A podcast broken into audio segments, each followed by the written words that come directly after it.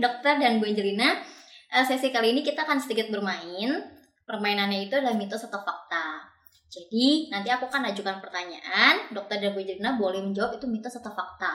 Oke. Gitu ya. Oke, pertanyaan Tunggu, tunggu. pertama.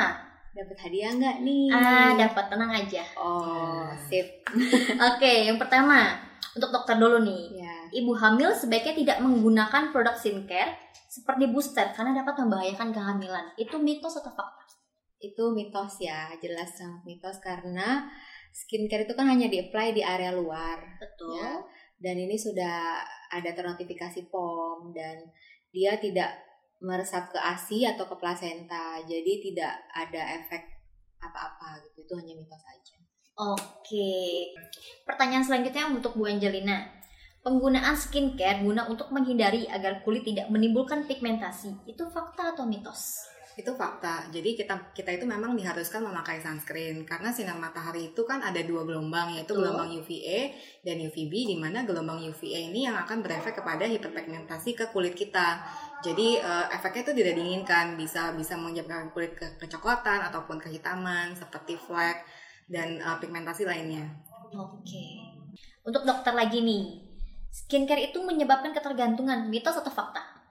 eh mitos lah jelas. Ngeri ya kalau bahasa ketergantungan tuh gini.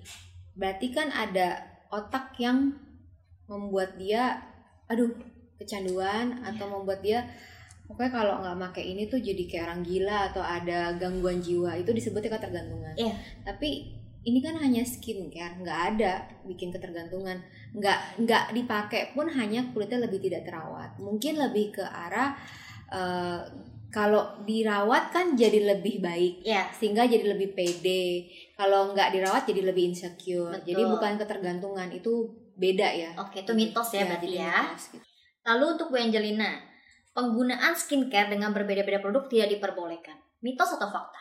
Itu mitos, karena kan sebenarnya skincare itu sekarang bentuk sediaannya banyak banget. Kalau dulu misalnya kita cuma mengenal uh, cleansing atau dan uh, misalnya day cream, tapi sekarang kan sudah banyak banget bentuk sediaan yang berbeda-beda gitu. Oke, nah begitu para beauty enthusiast.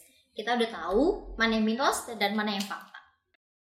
Demikian Batra Talks episode kali ini. Terima kasih kepada Dr. Cynthia dan juga Ibu Angelina atas informasinya. Jangan lupa like, komen, dan subscribe Batra Adijaya untuk mengetahui informasi seputar dunia chemical.